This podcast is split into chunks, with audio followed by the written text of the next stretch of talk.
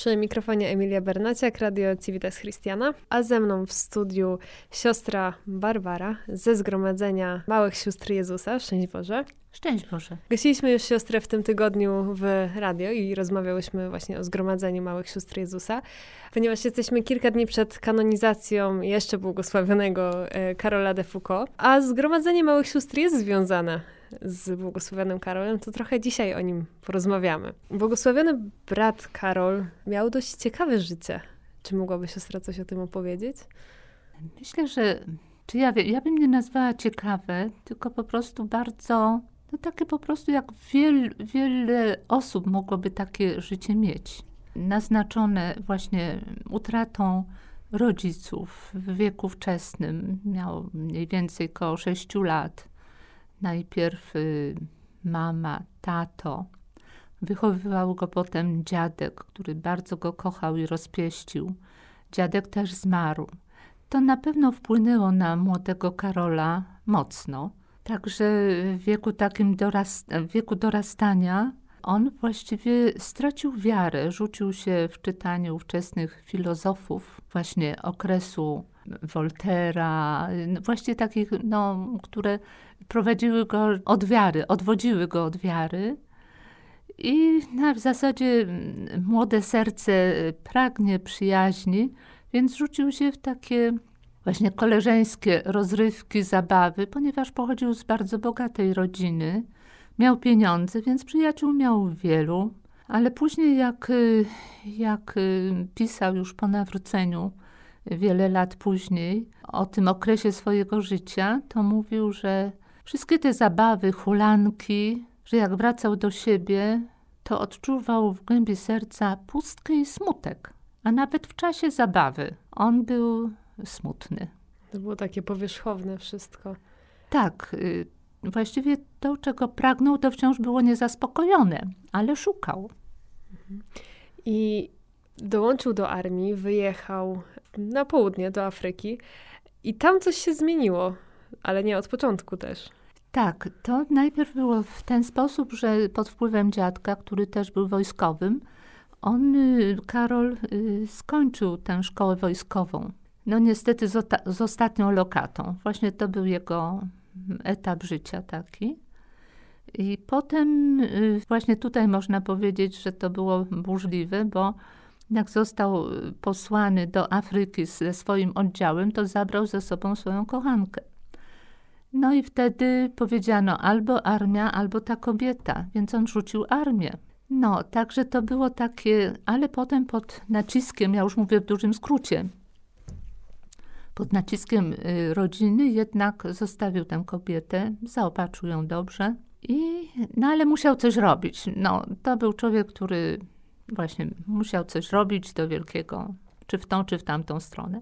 I wtedy pod przebraniem Żyda postanowił odbyć taką podróż naukową po Maroku. Maroko było wtedy zupełnie y, zamknięte dla chrześcijan, więc dlatego jako Żyd, jako handlarz, rzeczywiście y, w towarzystwie prawdziwego Żyda Mardocheusza odbył tę wyprawę, robiąc bardzo precyzyjne pomiary, właśnie geograficzne i inne, rysując i tak dalej. Także jak wrócił po tej wyprawie do Francji, opublikował to i dostał medal Akademii Francuskiej za osiągnięcia. Ale właśnie w czasie tej takiej podróży badawczej zetknął się z islamem. I to go zastanowiło, że ci ludzie, no głównie mężczyźni, pięć razy dziennie y, zbierają się albo tam, gdzie są, oddają cześć Bogu. I to jakoś coś w nim obudziło. Po drugie, też został kilka razy y, zidentyfikowany, że on nie jest Żydem, ale ponieważ y, został przyjęty do jakiejś, no, nocował w jakiejś rodzinie muzułmańskiej, no to jednak gość w dom, Bóg w dom, u muzułmanów nic mu się nie stało, a mógłby stracić życie. I to spowodowało w nim jednak jakieś takie, od, ocknął się i zaczął szukać i w zasadzie on szedł w kierunku islamu. Chciał poznać islam, ale jak y, też był w, w, takiej głębokiej przyjaźni po śmierci właśnie tych osób, co wcześniej powiedziałam, bliskiej relacji przyjaźni ze swoją kuzynką, która była głęboko wierząca i bardzo dobrą osobą, zawsze go tam jakoś rozumiała, przygarniała. I też właściwie pod jej wpływem i modlitwami on jednak, no jeżeli właśnie ona jest taka, to może poznam religię katolicką. No tak się potoczyło, że rzeczywiście został skontaktowany z takim ojcem Yvelin, znanym y, w Paryżu. Tam zaczął chodzić do tego kościoła i w momencie, kiedy miał spotkać tego księdza, Yvelin, on był w konfesjonale.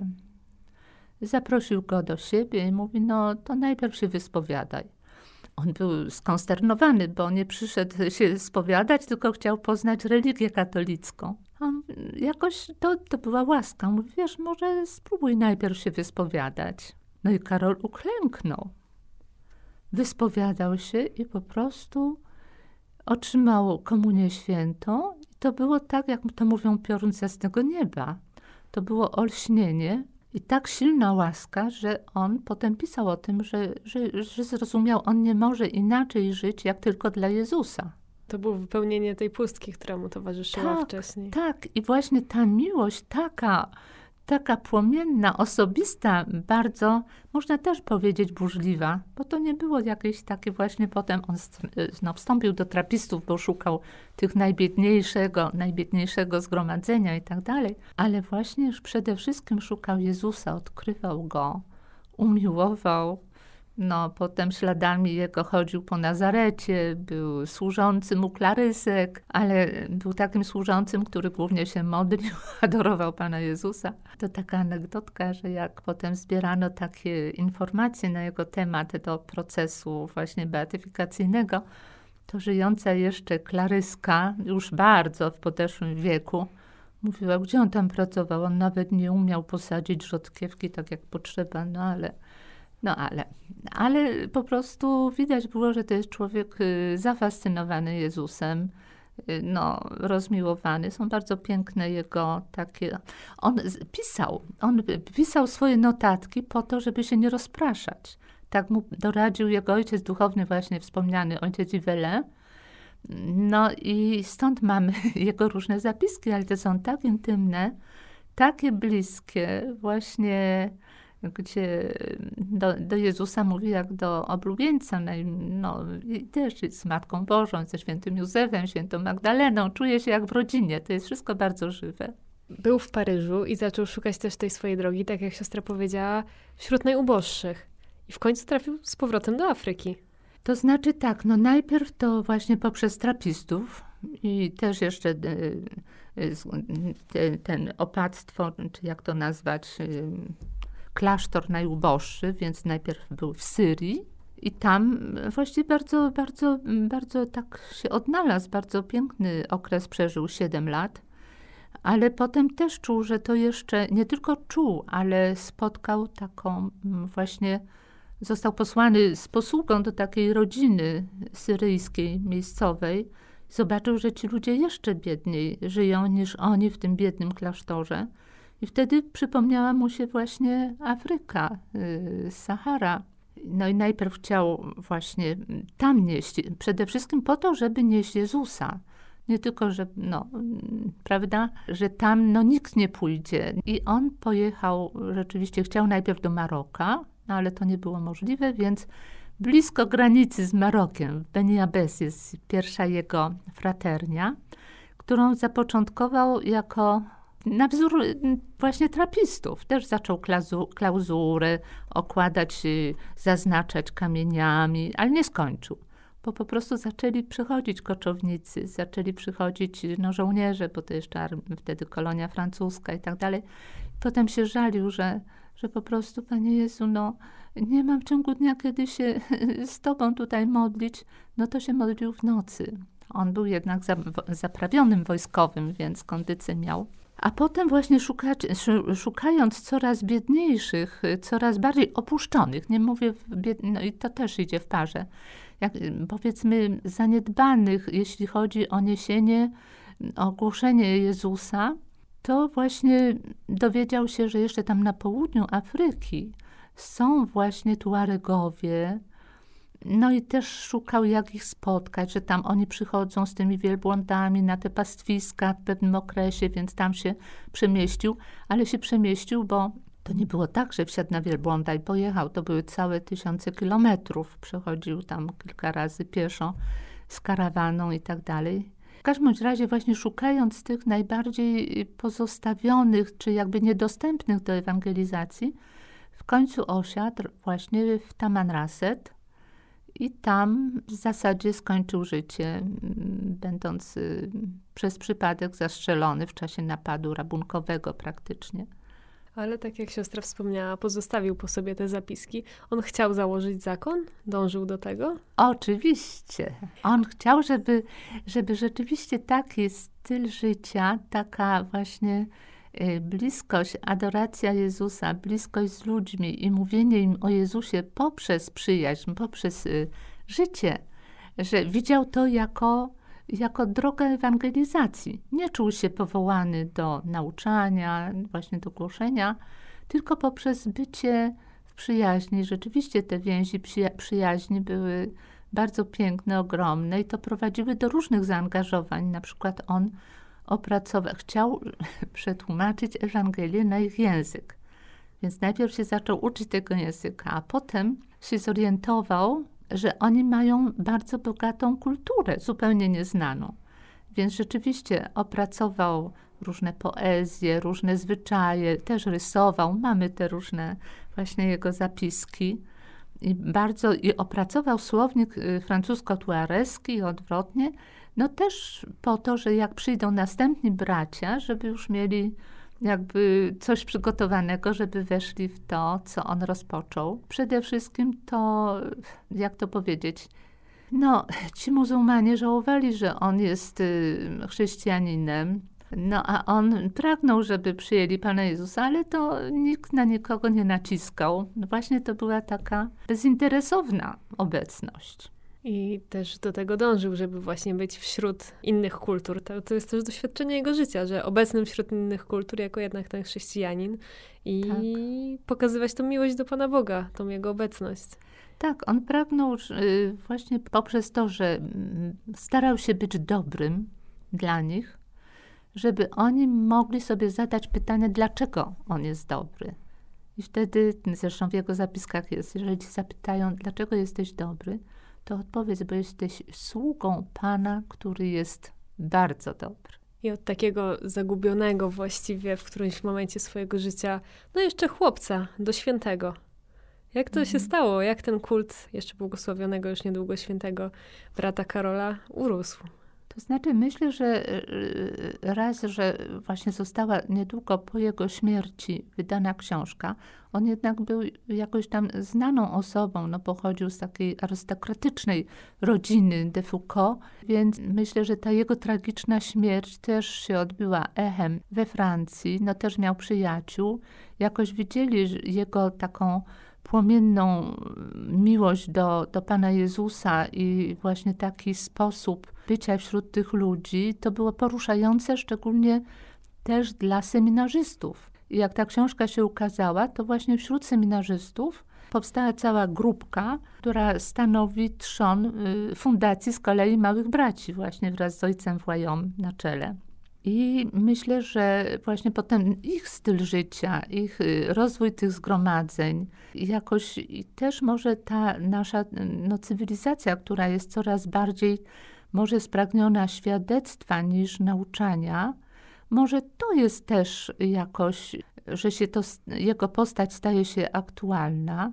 A przede wszystkim jednak, y, że ktoś powiedział, jeżeli chrześcijaństwo przetrwa, chrześcijaństwo nie przetrwa, jeżeli nie będzie kontemplacyjne, jeżeli my nie dojdziemy do właśnie, jeżeli nie, właśnie to życie nie stanie się kontemplacyjne, czyli nie zostanie przeniknięte osobistą relacją z Jezusem, mówię świadomie z Jezusem, bo On nam przybliża Ojca i pokazuje Ojca, i właśnie osobistą relacją, która polega na miłości. I to wcale nie na miłości, może Pan Bóg da, uczuciowej, ale to jest jednak poprzez poznanie decyzja woli. Ja widzę, ja tak pragnę, zresztą Pan Jezus mówi, ten mnie miłuje, kto zachowuje przykazania. Nie ten, kto czuje, że ja go miłuję, nie? No, brat Karol kiedyś się tam żalił. Ja cię kocham, ale ty mi nigdy nie mówisz, że mnie kochasz. W jakiś taki sposób, nie? Ale przez ty, z nim. I myślę, że to jest też pociągające, bo z tego, co, co widzę, co spotykam, to, to co, jakie osoby chcą do nas przychodzić, te, które pragną właśnie tej adoracji w ciszy, tej, tej zażyłości, tej bliskości. Też są kapłani, którzy pracują w swoich parafiach, ale też jakoś widzą w Karolu, że, że to jest y, też ktoś, kto im pokazuje, jak być wśród ludzi i jak jednak się karmić modlitwą, adoracją. I też ta postawa, my to mówimy, no małe siostry, małe, małe mali bracia. Karol też chciał, mówił tam, mały brat Jezusa, no bo wiadomo, jesteśmy tymi młodszymi, jego młodszym rodzeństwem, takim niedorastającym, które się uczy od niego, jak żyć. No i potem myślę, że też kwestia tego, że on akurat i my powstałyśmy w, środow- w islamie, w środowisku islamu. Zostałyśmy my jako zgromadzenie, jak i on, przyjęci w domu kogoś innego, innej kultury, innej religii. I tutaj też jest taka, takie światło, myślę, jak no właśnie do tych relacji z innymi, którzy się różnią od nas, właśnie też jeśli chodzi o religię. I tutaj się może bardziej posłużę tym, co nasza założycielka Magdalena y, mówiła, a w zasadzie co, czego byłam świadkiem. Jak nasze zgromadzenie obchodziło jubileusz 50-lecia, więc akurat byłam wtedy w Rzymie i no były, chciałyśmy to jakoś zaznaczyć. Zostali zaproszeni y, pierwsi przyjaciele, właśnie jak tam budowali razem z nią naszą wspólnotę w, w Tugur. I przyjechało kilkoro, łącznie z tym pierwszym przyjacielem, Atman. I mogłyśmy też zadawać pytania, no tam i tak dalej. I jedno z pytań było takie: jakby można do niego, jak można określić tę przyjaźń między Magdaleną i nim? On muzułmanin, ona chrześcijanka. On taka zapadło milczenie i chwilę, a on mówi: To jest Boża przyjaźń. I to chyba o to chodzi, że, że, że właśnie może być Boża przyjaźń, mimo że jakoś inaczej poznajemy Boga. I brat Karol, y, jak to powiedzieć, rzeczywiście w pewnym momencie były, długo trwał jego proces beatyfikacyjny, bo wciąż nie było cudu, który jest potrzebny. I to nie było tak dawno, bo on był beatyfikowany chyba w 2014 czy którym? 2005, 13 listopada 2005 2005. nawet, o. Mhm. I właśnie, i to było w ten sposób, że y, przed Bazyliką Świętego Piotra mm, wychodziły z kościoła, y, z Bazyliki małe siostry i jakieś starsze małżeństwo y, chciało już pozdrowić, a no i tak dalej. I pytają, co tam słychać. Każdym bądź razie one jakoś tak, czy oni zadali pytanie, czy już brat Karol jest beatyfikowany. A siostry mówią, nie, nie, bo brakuje cudu. A oni mówią, brakuje cudu? Przecież 20 lat temu moja żona została uzdrowiona. Modliliśmy się przez stawiennictwo Karola. I one mówią, no, no, okazało się, że cała dokumentacja dotycząca jej leczenia, niewytłumaczalnego wyzdrowienia, wszystko zostało, było zachowane. Tam w szpitalu nawet. No i to był pierwszy taki znak, że to już nadszedł czas, żeby Karol został ogłoszony błogosławionym. I ja to odczytuję w ten sposób, że przez ten czas do 2005 roku, jakby też historia tych relacji muzułmańsko, islam, chrześcijaństwo, Europa, Afryka, to wszystko nabrzmiało na tyle, żeby pokazać postać, która w inny sposób patrzy na te osoby, na tę religię i w inny sposób przyjmuje. I teraz no, będzie kanonizacja, jest następny cud, ale to proszę sobie przeczytać na www.malybrakopole.pl. To serdecznie właśnie zapraszamy do zapoznania się z tą historią. Przypominam już, że kanonizacja już w najbliższą niedzielę, 15 maja. Zapraszamy do włączania się właśnie w modlitwę już do świętego Karola, za wstawiennictwem świętego Karola. A kto by chciał uczestniczyć i e, w kolejnych nabożeństwach, w mszy dziękczynnej, e, w spotkaniu takim też e, pokanonizacyjnym już w Polsce, a nie w Rzymie, w Warszawie, zapraszamy na tą samą stronę, którą siostra przed chwilą wymieniła. www.malybrat, pisane razem. I tam wszystkie niezbędne informacje są podane. Dziękuję siostrze Barbarze za rozmowę. Też ogromnie dziękuję. Rozmowę prowadziła Emilia Bernaciak.